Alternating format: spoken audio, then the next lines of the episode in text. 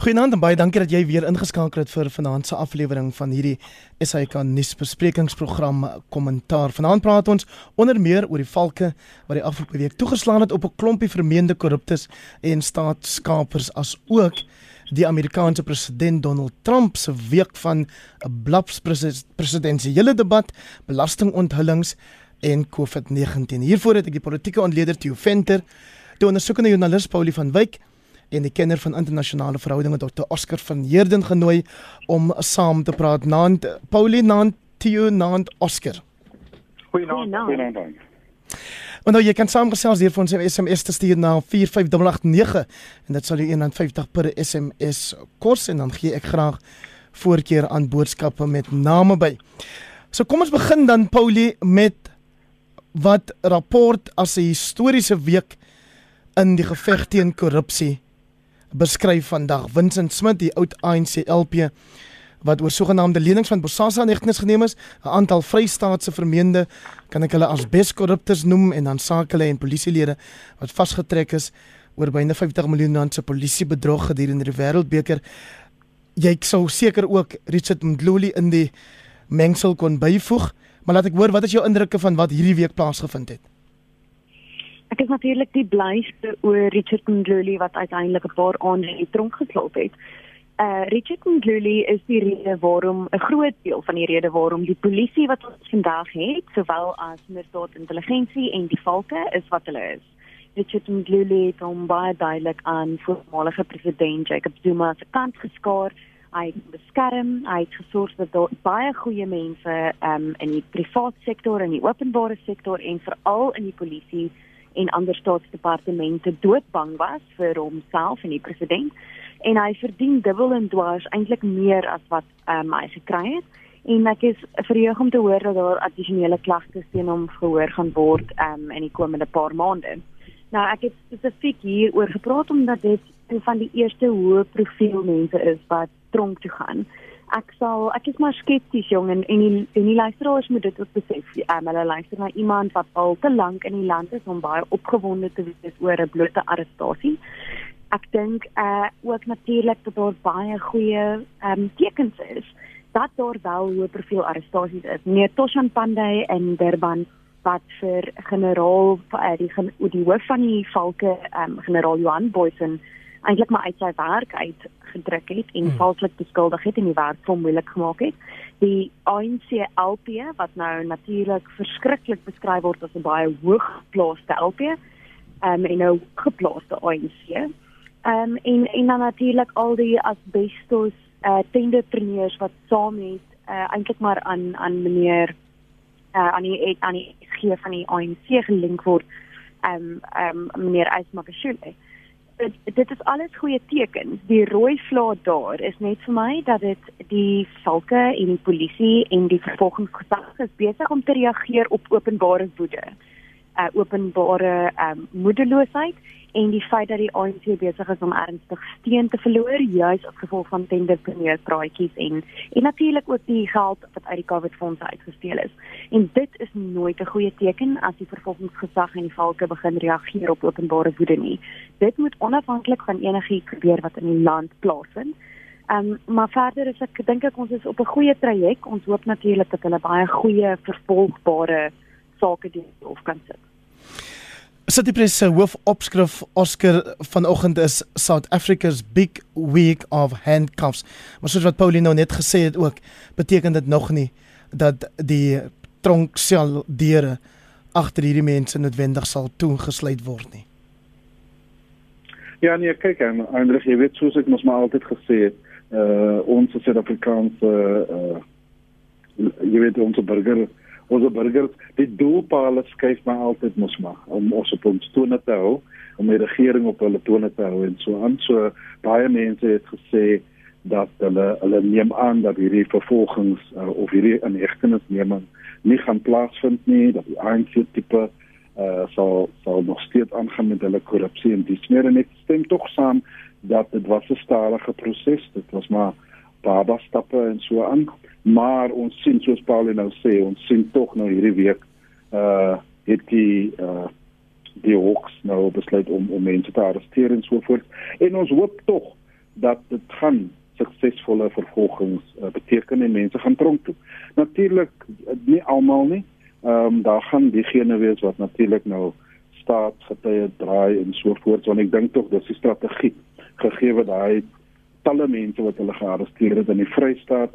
Jy weet as jy die groot vis wil hê, Ysmagashule, ehm um, en jy het dit direk op hom noodwendig nie, dan is die strategie dat kom ons klik al die klein visse op en ons sê vir hulle, hoorie so, sê vir ons wat ons het uh, teen teen hierdie groot vis en hopelik gaan dit beteken dat uh, uh, Ysmagashule gearresteer word in die komende dae.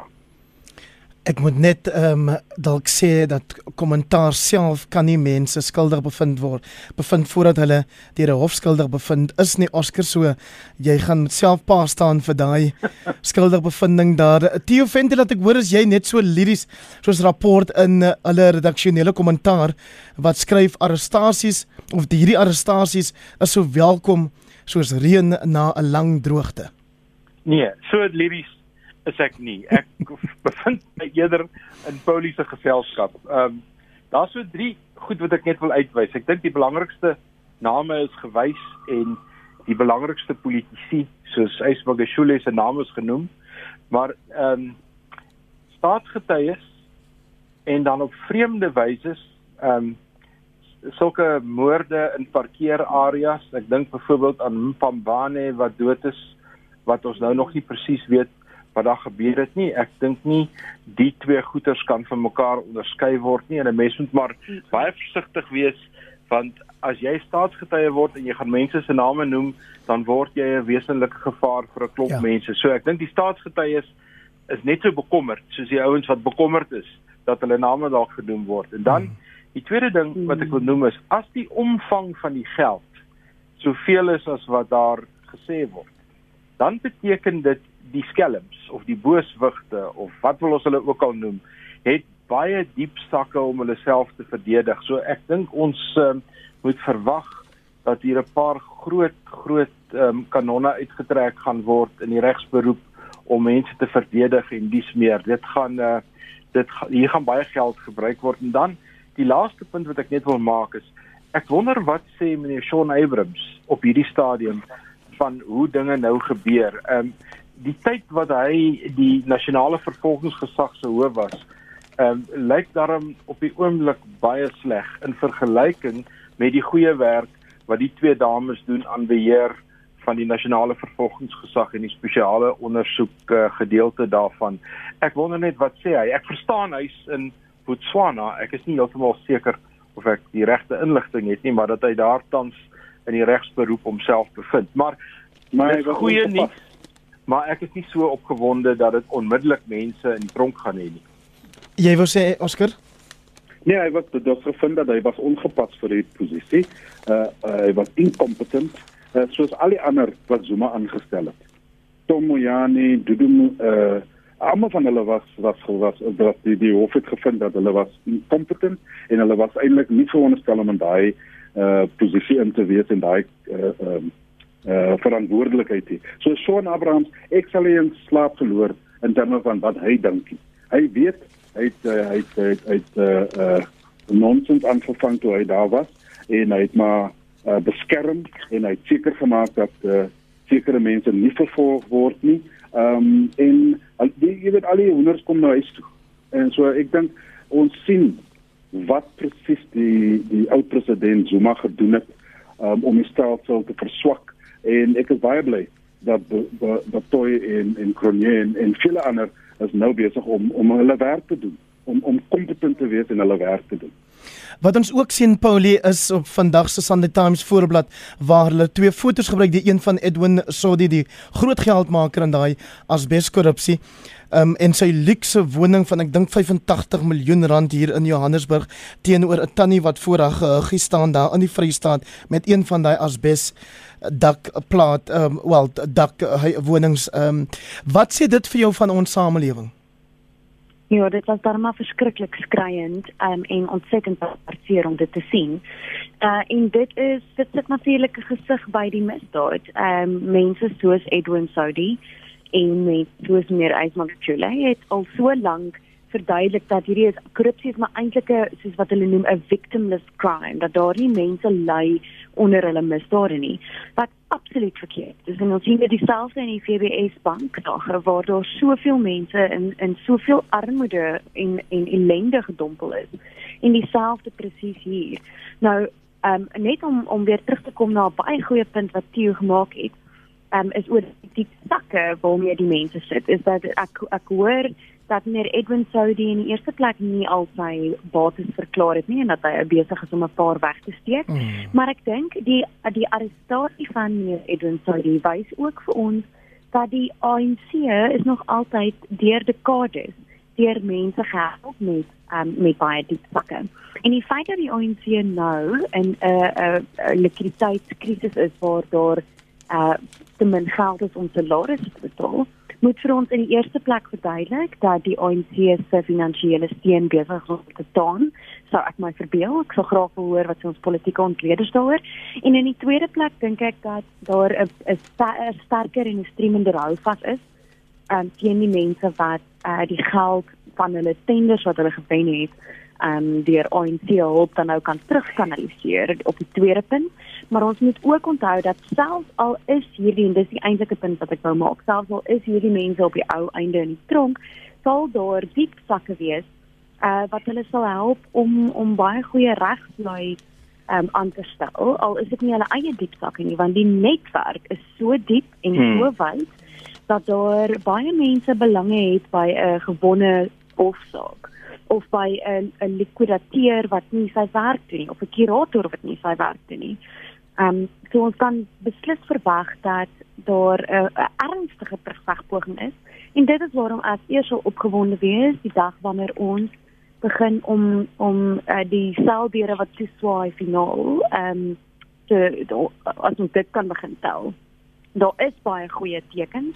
Ek dink net die die mense van Suid-Afrika moet nie nou amper terugsit en sê okay ons was nou genoeg kwaad gewees ons het nou die ANC en die vervolgingsgesag in die valke gedruk tot op hierdie punt waar hulle vir ons moet luister en besef daar's 'n probleem nie. Die mense moet bly kwaad wees en hulle moet bly uitpraat want dit is duidelik al wat daar na die ANC luister So jy het nou 'n baie mooi kompliment van Paulie gekry dat jy baie goeie punt gemaak het. Hy het nogal 'n gewoonte om baie goeie punte te maak op die program ehm um, Paulie en dan wil ek daarom net sê ook vir jouself en vir Oscar dat ehm um, twee luisteraars Kobus en Maria van der Merwe 'n SMS vir ons gestuur het voor die program en reeds gesê het hulle sien uit na die program en dat ons 'n goeie span paneellede vanaand het. Kom ek hoor nou by jou Theo jou reaksie op wat advokaat Hermie, hoe spreek mense haar naam met Hermien Cronje vanoggend op Karima Brown se program op ENC eie gesê het, naamlik dat hulle nie net sy natuurlik aan die hoof van die ondersoekeenheid van die nasionale vervolgingsgesag maar dat dat hulle nie net gewoon getuienis wat voor die Zondo kommissie gelewer word kan gryp in hof toe hardop daarmee nie. Hulle wil seker wees dat hulle 'n wensaak hof toe neem. Nou dit is baie belangrik en ek dink die Estina saak is, is vir ons hier 'n sprekende voorbeeld. Die Estina aangeleentheid was al voor die hof en dit is uit die hof gegooi van wees swak voorbereiding en van wees swak werk ja. deur deur die NPA en ek dink dit is wat hulle nou wil probeer verhoed en ek weet dat daar baie baie sterk spanne agter die ondersoeke is forensiese auditeurs en en advokate en ondersoekbeamptes en jy kan jy kan hulle maar opnoem en ek dink hulle doen Hulle doen uitstekende werk en hulle volg veral die geld, want as jy die geld volg, dan ontwikkel daar so 'n soort van 'n papierspoor en dan dan kom jy baie keer op baie interessante dinge uit. Nou, Ysmagashule se naam is nou genoem deur my, deur Paulie en en deur Oscar en as 'n mens nou jou vorige vraag vat by hierdie vraag en jy kyk hoe die Vrystaat verval het in terme van sy plaaslike regering, in terme van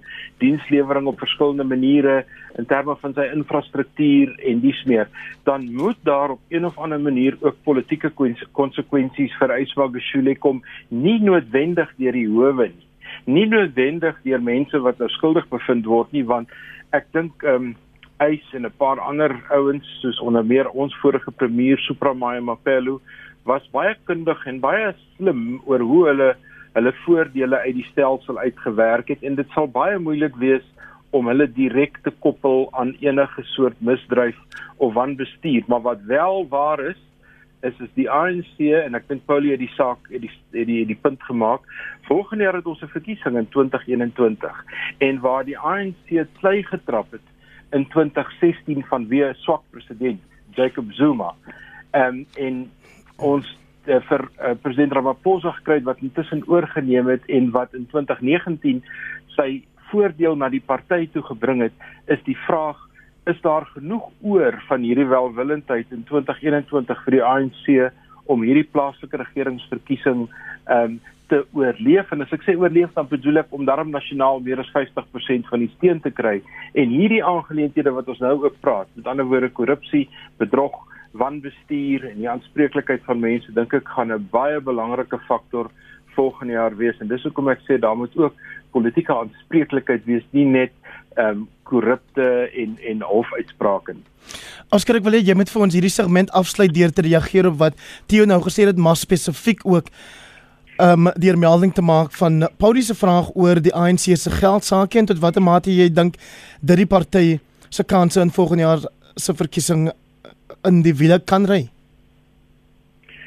Ja, kyk, dat, ek wil graag sê dat daar's natuurlik as ons nou dink aan hierdie mense wat besig is met hulle fight back. Hy's Magashule en sy sy kalante. Dan is daar twee strategieë. Ek stem saam met Paul en uh en Theo dat op die regsvlak gaan hulle natuurlik probeer om goeie prokureurs te kry en so voort en hulle gaan probeer doen presies wat Zuma gedoen het die afgelope jare en dit is om die storie uit te trek en in en uit by die hof te gaan en so aan en so voort. Ongelukkig is dit die regstelsel en dis wat hulle gaan probeer doen. Ehm uh, maar ek, ek wil tog sê die groter ehm um, dreigement is die politieke strategie. Want soos ons self weet, hierdie mense sit nie stil nie. Hulle sit nie op hulle hande nie. Hulle wag nie net vir die valke om te kom nie. Hulle is besig met hulle donker kamers vol rook en hulle bespreek hoe kan ons hierdie situasie in die wiele inry politiek gesin. En een van die eh, die, die, eerste dinge wat hulle gaan bespreek is ons moet die leier van hierdie veld tog. Ons moet ons moet verwyder. En dit vir Ramaphosa. Ehm um, so eh, die die feit dat hulle nou ge, ge, ge jy weet hulle vra vir 'n spesiale uitvoerende komitee nasionale uitvoerende komitee om hierdie inhegtenisneme te bespreek en so aan. En daar's talle van hulle wat sê hulle stem nie saam wat wat uitgekom het uit die nasionale uitvoerende komitee die die, die verlede keer wat hulle sê as jy aangekla word moet jy een kant toe staan en so aan. Dit dit begin nou insink. Jy sien self 'n video uh, waar hulle iemand wil probeer arresteer die valke. Hulle sit rondom die persoon en hy's op die foon. Hy kan dit ongelukkig net nie glo dat hulle is daar om hom in hegtenis te neem nie. Tot iemand vir hom sê ekskuus meneer kan jy asseblief klaar praat dan ons wil jou nou in hegtenis neem. So so dit dit net jy weet dit is ongelooflik wat gebeur hierdie hierdie afgelope paar dae en so hulle gaan probeer om te reageer en hulle gaan nie noodwendig die belange van die van die burgers het nie. Hulle gaan sê ons moet probeer om vir Ramaphosa uit te kry en ek dink ons moet hom ondersteun uh en ek stem saam met Paulie ons moet kwaad bly en ons moet ons ons moet geraas maak en so aan om om die president te ondersteun. So ek dink dis dis dis wat ek wil sê in terme van die geld storie. Ek stem saam ja, jy weet die ANC het maar al die jare, dis nie die eerste keer wat hulle nou nie salarisse kan betaal nie. Hulle het maar oor die jare al altyd geldprobleme gehad. Eh uh, maar hulle het ook hierdie tegniek waar hulle ehm um, sekere lede van van die party afpers uh, in die besigheid uh, en so om te sê ons het nog nog 'n 5 miljoen nodig en nog 'n 3 miljoen nodig. So ek is geensins uh, verbaas om te sien wat sou die oor die jare al betaal het. He. Ons gee jou 'n groot kontrak en ons sê vir jou, jy weet, eh, 'n uh, paar maande later, kyk, ons moet salarisse betaal en dis net so gee ons 'n paar miljoene. Dit is 'n groot groot probleem en dit is een van die aspekte wat die ANC moet uh, bespiegel as 'n as hulle inderdaad na hierdie periode hulle self wil wil skoon uh, skoon maak. Dis die mening van Dr. Oscar van Heerden wat vanaand saam met Theo Venter en Paulie van Wyk my paneel hier op kommentaar uitmaak. Ek gaan dat ons aanbeweeg na die onderwerp van president Donald Trump van Amerika. Daar's reeds 'n hele paar SMS'e van luisteraars, um, sekeres wat meen dat daar 'n anti-Trump of 'n teen-Trump sentiment heel dikwels op hierdie programme gehoor word en ander wat die bekendmaking van uh, sy positiewe toetsing vir COVID-19 as 'n verkiesingstaktiek beskou en ek dink ons gaan oor al hierdie goed praat. So kom ons begin dan met die groot debat. Paulie, ek weet nie of jy so ehm um, passievol oor die Amerikaanse politiek is soos Theo Venter en Hendrik Weingart en ek weet nie of Oscar van Heerden dit ook gedoen het om 3 uur op 'n Woensdagoggend op te staan om na 'n debat te kyk nie. Nee, wat? Ek het daai skip, ek het besluit ek sal oplees daaroor. Ek wou regtig nie my tyd soveel mors nie en ek is so dankbaar ek het nie want dit klink vir my dit was 'n uh, dit was 'n drama en glad nie op 'n goeie manier nie. Ehm um, dit klink vir my asof die president en en na die video's wat ek gekyk het en na die opsommings wat ek self van Fox News se kant af gekyk het want natuurlik moet 'n mens eh, die Amerikaanse media die waarheid lê altyd iewers tussen CNN en Fox News. Ehm self self as 'n mens ehm self as 'n mens na Fox News gekyk het dan het jy partykeer gedink genade het die man geen skaamte nie is daar want dan praat meneer Biden oor Obamacare of oor um, 'n um, sekere punt wat wat belangrik is en dan begin meneer Trump praat oor meneer Biden se kinders of hy begin praat oor die China virus. En jy dink genade, waar is die daar's geen kausaliteit in die argument om mee te begin nie.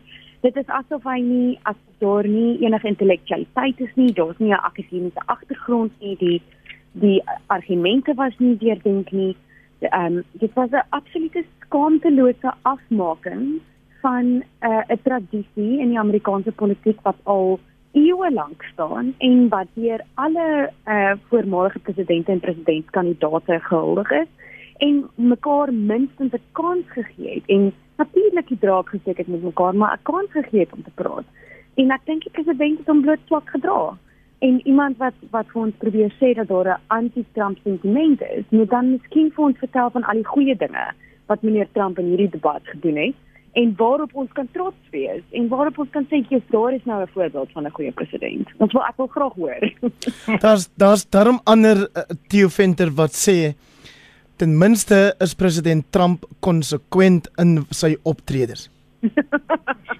Wel, kom ek kom ek kyk Chris Wallace wat die wat die onderhoudvoerder was of die eintlik was hy die vegknoper in hierdie debat.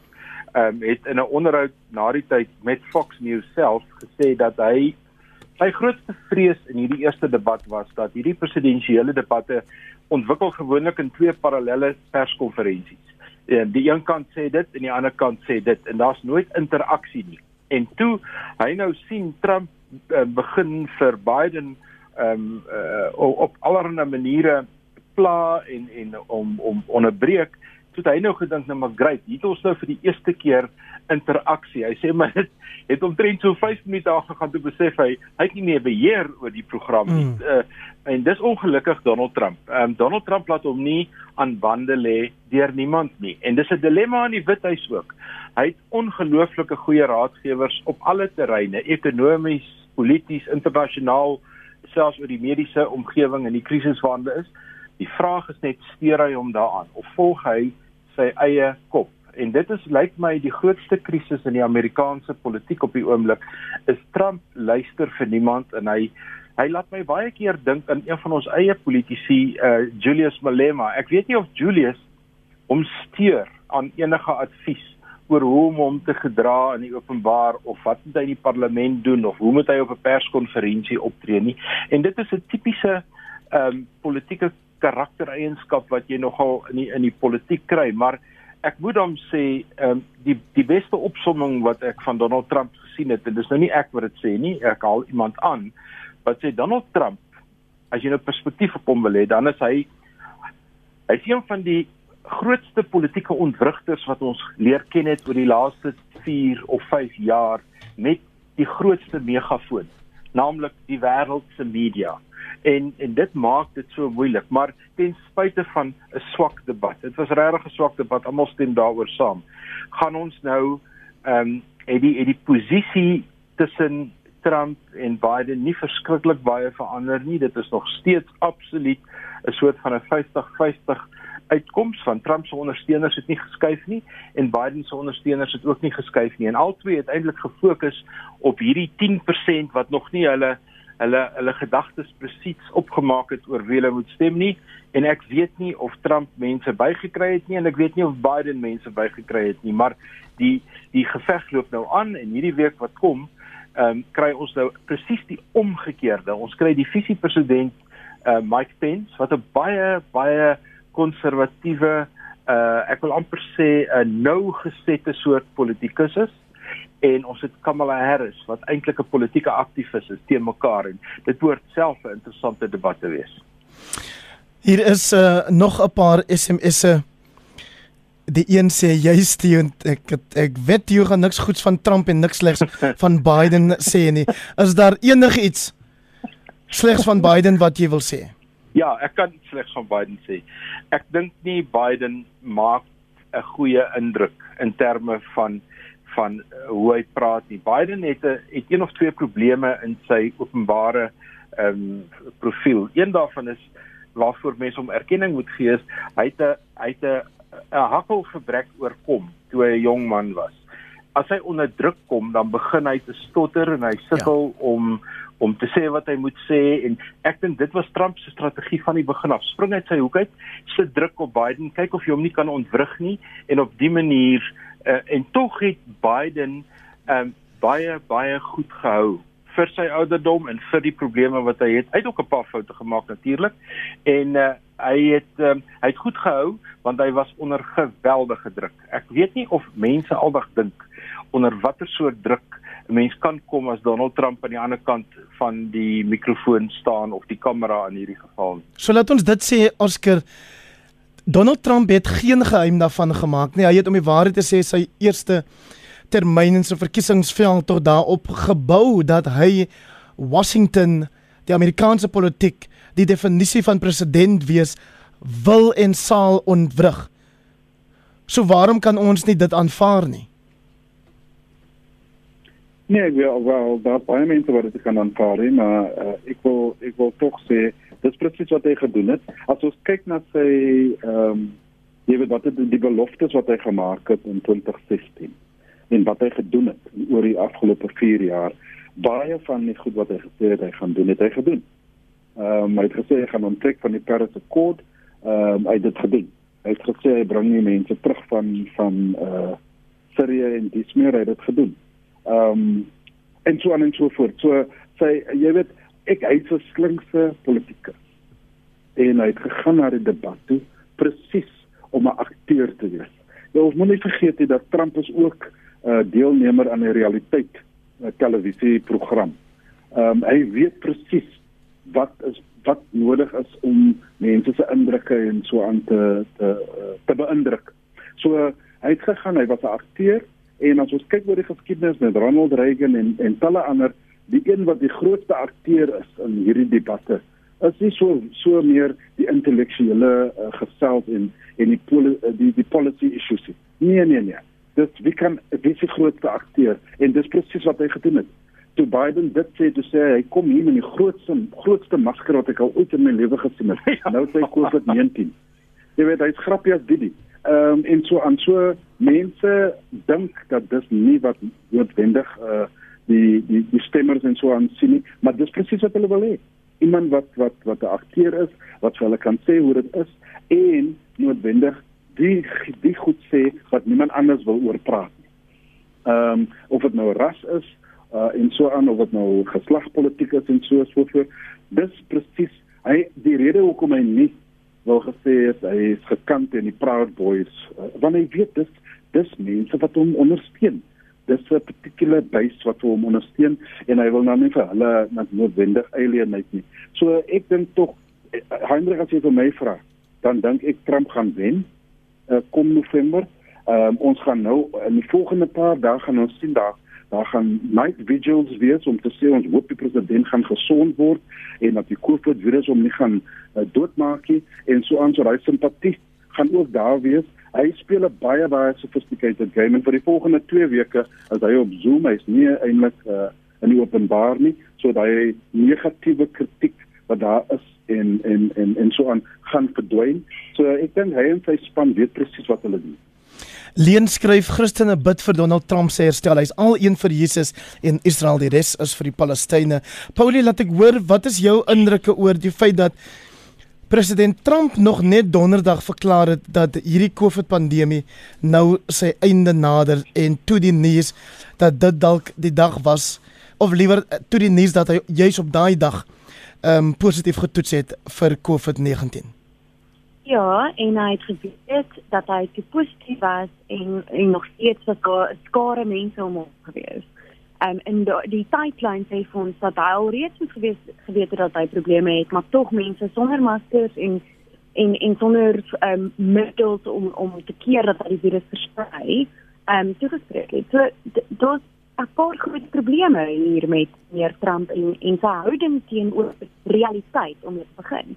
En dit is hier waar ek waar ek eintlik dink meneer Trump het nie uh sy beloftes nagekom nie en daar dink ek stem ek nie saam met wat Oscar sê nie. Ek en en hier kan mens eintlik Obama keer.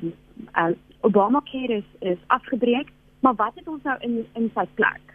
Daar is nie daai beloof hy hy het sy eie planne opreeg, hy gaan sy eie stelsels inbring, maar daar is nie nou iets wat uh wat so goed werk of wat wat sal volgens Amerikaners 'n soortgelyke hulp het nie. Hy het uh, meneer Trump het in maande net voordat uh, China moes gedwing word op die ou einde om te erken dat die COVID-virus by hulle ontstaan het, het hy meneer Obama se se rooi vlag sentrum daar eintlik heeltemal afgebreek. En dit was die sentrum wat wat veronderstel was om die Amerika en die wêreld te waarsku dat daar 'n virus gaan wees. Het hy hy, hy het alles afgebreek. En toe was toe het ons nie daardie waarskuwing gehad nie um, uit die FBI se se hoof uh uitgeskop. Nou klink dit nie vir ons dalk soos 'n leier wat self in Suid-Afrika gehad het nie.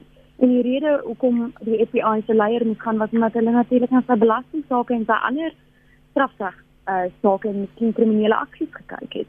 Daar is so baie dinge wat 'n mens maar dit is en hier dink ek is die punt waar 'n mens op 'n intellektuele manier moet gaan beredeneer en 'n bietjie meer moet weet as net uh, die geld in jou sak wat op 'n kort termyn miskien Amerikaners baat, maar op 'n lang termyn hulle kan indoen. En um, moet mense verder dink as om te dink net dat meneer Trump is net goed vir Amerika. Jy moet 'n bietjie meer intellektueel wonder oor die rigting waarna Amerika vat, oor die redes vir die dinge wat hy doen en dan gaan jy begin vra vra. En ek en ek wonder partykeer of mense in die eerste plek genoeg lees en of hulle in die tweede plek krities genoeg dink oor die aksies sy manier van argumenteer en waarheen hy die wêreld neem en wat dit van hom as mens um, in Amerika se rigting sê en wat dit dan veronderstel is om vir ons te sê van die wêreld se magtigste leier. Heinrich kan ek nou hier inkom amper soos Donald Trump en en en onderbreek. Kyk. Hoekom praat ons oor Donald Trump? Hoekom is hy enigstens belangrik vir vir, vir Suid-Afrika? Ek skool dit is in Amerika. Ons sit in die suidpunt van Afrika, maar Donald Trump is die leier van een van die grootste ekonomieë, as dit nie die grootste ekonomie in die wêreld is nie. Hy's um, hy's 'n baie baie invloedryke leier in terme van sy militêr strategiese posisie in terme van die rol wat hy speel in Europa. Donald Trump is eenvoudig belangrik vir almal in die wêreld om na te kyk omdat die op sy optrede bepaal baie keer goed die Suid-Afrikaanse ekonomie byvoorbeeld is heeltemal te klein om enigiets daaroor te doen en ons is eintlik maar 'n subjek baie keer ten opsigte van wat hulle doen. So Suid-Afrikaners almal van ons moet 'n belangstelling hê in wat in Amerika gebeur en so ook in 'n paar ander lande. Maar die probleem wat ons het um, met Donald Trump is die gemiddelde Amerikaner het nie 'n vreeslike groot belangstelling in die intellektuele Oscar Safiele sê Amerika het relatief gesproke die minste paspoorte van enige bevolking in die wêreld. Met ander woorde Amerikaners ry nie ja. rond nie. Ehm um, hulle is ehm um, hulle is baie inge hulle lewe na binne toe. Met ander woorde wanneer hulle oor die politiek begin praat, is dit nie 'n intellektuele gesprek nie. Ehm um, wanneer hulle oor die politiek praat, is dit 'n ideologiese gesprek en Donald Trump het dit reg gekry om die Amerikaanse samelewing nog verder te polariseer. Daar was reeds sprake van polarisasie, maar daar is nou amper geen manier vir Republikeine en Demokrate om in die Kongres saam te werk of om in die Senaat saam te werk of waar hulle ook al moet saamwerk nie. Dis alles jy of ek. En dit is die verdeling wat dis 'n tradisie wat Amerika gehad het oor baie baie jare om om 'n non-partisan, dis hulle term daarvoor om om tussen politieke partye 'n soort kompromis te kry. Ehm um, Obama het dit reg gekry, die Bush het dit reg gekry, Clinton het dit reg gekry, onder Donald Trump het hy dit nog nie reg gekry nie. En en ek dink dis die vrees wat mense het vir 'n tweede 4 jaar. Want onthou 'n Amerikaanse president is in sy tweede termyn die sterkste. Want hy het nie weer 'n jaar nodig om die job te leer nie. Hy as hy die grond vat, daar waar die tikkie die teer tref, daar regeer hy. So mense kan verwag dat dit wat Donald Trump gedoen het tot nou toe, hy meer van gaan doen um, in sy tweede termyn. Is daar enige iets en ek vra hier namens Dion Becker van Alberton, enige iets steel wat Donald Trump reg of goed doen? Ag, kom ek sê vir jou, wat hy goed doen, is hy gebruik die media goed wat hy wat hy goed doen is hy bestuur sy profiel, hy bestuur ehm um, die sy hele strategie, dit wat Paulie en uh, Oscar gespreek het, bestuur hy goed en ehm um, ek dink hy het ehm um, ek dink sy storie oor die ekonomie as 'n mens dieper gaan krap, is dit 'n baie oppervlakkige ehm um, verhaal. Ek dink wat hy goed doen, ehm um, die militêre mense sal vir jou sê die sy eintlik sy vernuwing van die weermag met baie meer geld wat hy daarin spandeer. Uh, baie mense gaan vir jou sê dit is baie goed want in Amerika is militêre spandering gelykstaande aan ekonomiese ontwikkeling en ehm um, groter hawens en groter fabrieke en sulke soort van dinge. Okay. En dan het hy 'n laaste ding wat hy goed gedoen het. Hy het dit reg gekry om met 'n belasting ehm um, herstrukturering groot firmas terug te kry in Amerika uit ander lande uit terug in Amerika en dit het vir hom baie voordele gebring. Ons het min of min of meer so 2 minute nog van die program oor. Um Paulie, ek wil hê jy moet iets sê oor die feit dat president president president Trump nou positief getoets het vir COVID-19 en 'n nuwe debat wat ontstaan het rondom vra oor tot hoe mate die inligting wat daaroor gedeel word met die publiek betroubaar is. Mm, ek stem saam met die met die vrae en en die blote feit dat daar vrae is, moet al vir ons verduidelik uh oor wat wat ons kan verwag van die situasie en en hoeveel meneer Trump eintlik vertrou word. Um en en as hy as as dit die vlak van debat is met ons maar vir hom sê met ons die toets wys. Dan wil ons graag dan wil ons graag die bewys hê vir uh vir vir sy positiewe toets want want dit is die ongenade van die saak is hy is 'n showman as jy dit as jy dit sou wil stel en hy is ontsettende manipulerende leier soos wat die meeste leiers maar is en hy verstaan sy mense ontsettend goed. Dis die ander baie goeie ding wat hy doen. Hy verstaan hulle. Hy verstaan hulle behoeftes, hy verstaan ja. hulle siege en hy weet wat hulle wil hê en hy weet hoe om dit vir hulle te gee en hy maak van die van die wat hy 'n uh, 'n Hollywood stel waar dit lekker is om te sien hoe die mense wat jy nie eintlik so baie van hou in die land net so 'n bietjie op hulle neusie kyk en hoe iemand wat totaal oninspirerend is soos Biden eintlik so 'n bietjie soos eh, soos op 'n skoolgrond geboelie word. Um de in in dit is die ampere vervlakking van van 'n intellektuele debat wat plaasvind en op die ou einde sal sy COVID toets sal is dit nou jammer maar mense sal nou moet vra of dit die werklikheid is. 20 sekondes vir jou en 20 sekondes vir jou um Oscar en Theo om vir die luisteraars te sê of julle reken die Suid-Afrikaanse regering vaar goed of sleg met die bekendmaking van hierdie soort inligting. Ons eie adjunk president gaan oorsee vir mediese uh behandeling byvoorbeeld. Wel ek sal eers te gaan nee, ek dink nie so nie en net soos Paulie ehm um, die Withuis het 'n het 'n tradisie om om nuus um, op 'n sekere manier in te kleur en daarom moet 'n mens verskillende bronne gebruik om uiteindelik seker te maak wat wil hulle sê en ek dink die Suid-Afrikaanse regering kan 'n baie beter media profiel handhaaf soos ons gesien het met Zimbabwe en 'n paar ander goed. Ehm um, dis moeilik om hierdie goed te glo, maar meeste regerings val maar in hierdie lokval. Jou kort reaksie asseblief Oscar? Nee, ek dink tog daar is reëls en volgens die Amerikaners is daar wette wat sê dat hulle moet dit publiek maak as die president siek is of hy nodige mediese hulp nodig. Ek dink dieselfde is uh, gepas hier in Suid-Afrika. Okay. As as Ramaphosa natuurlik die virus kry of iets dan moet ons gesê word en ons wil weet wat gaan aan. Ehm um, die feit dat ons uh, vice-president Ek moet jou ongelukkig, ekskuus man, ek moet jou ongelukkig daar laat haltroep want ons tyd is verstreke, maar verskriklik baie dankie Oscar van Heerden, Theo Venter en Paulie van Wyk dat julle vanaand ons paneel uitgemaak het hier op RSG. Van my Hendrik, hartlike groete tot 'n volgende keer.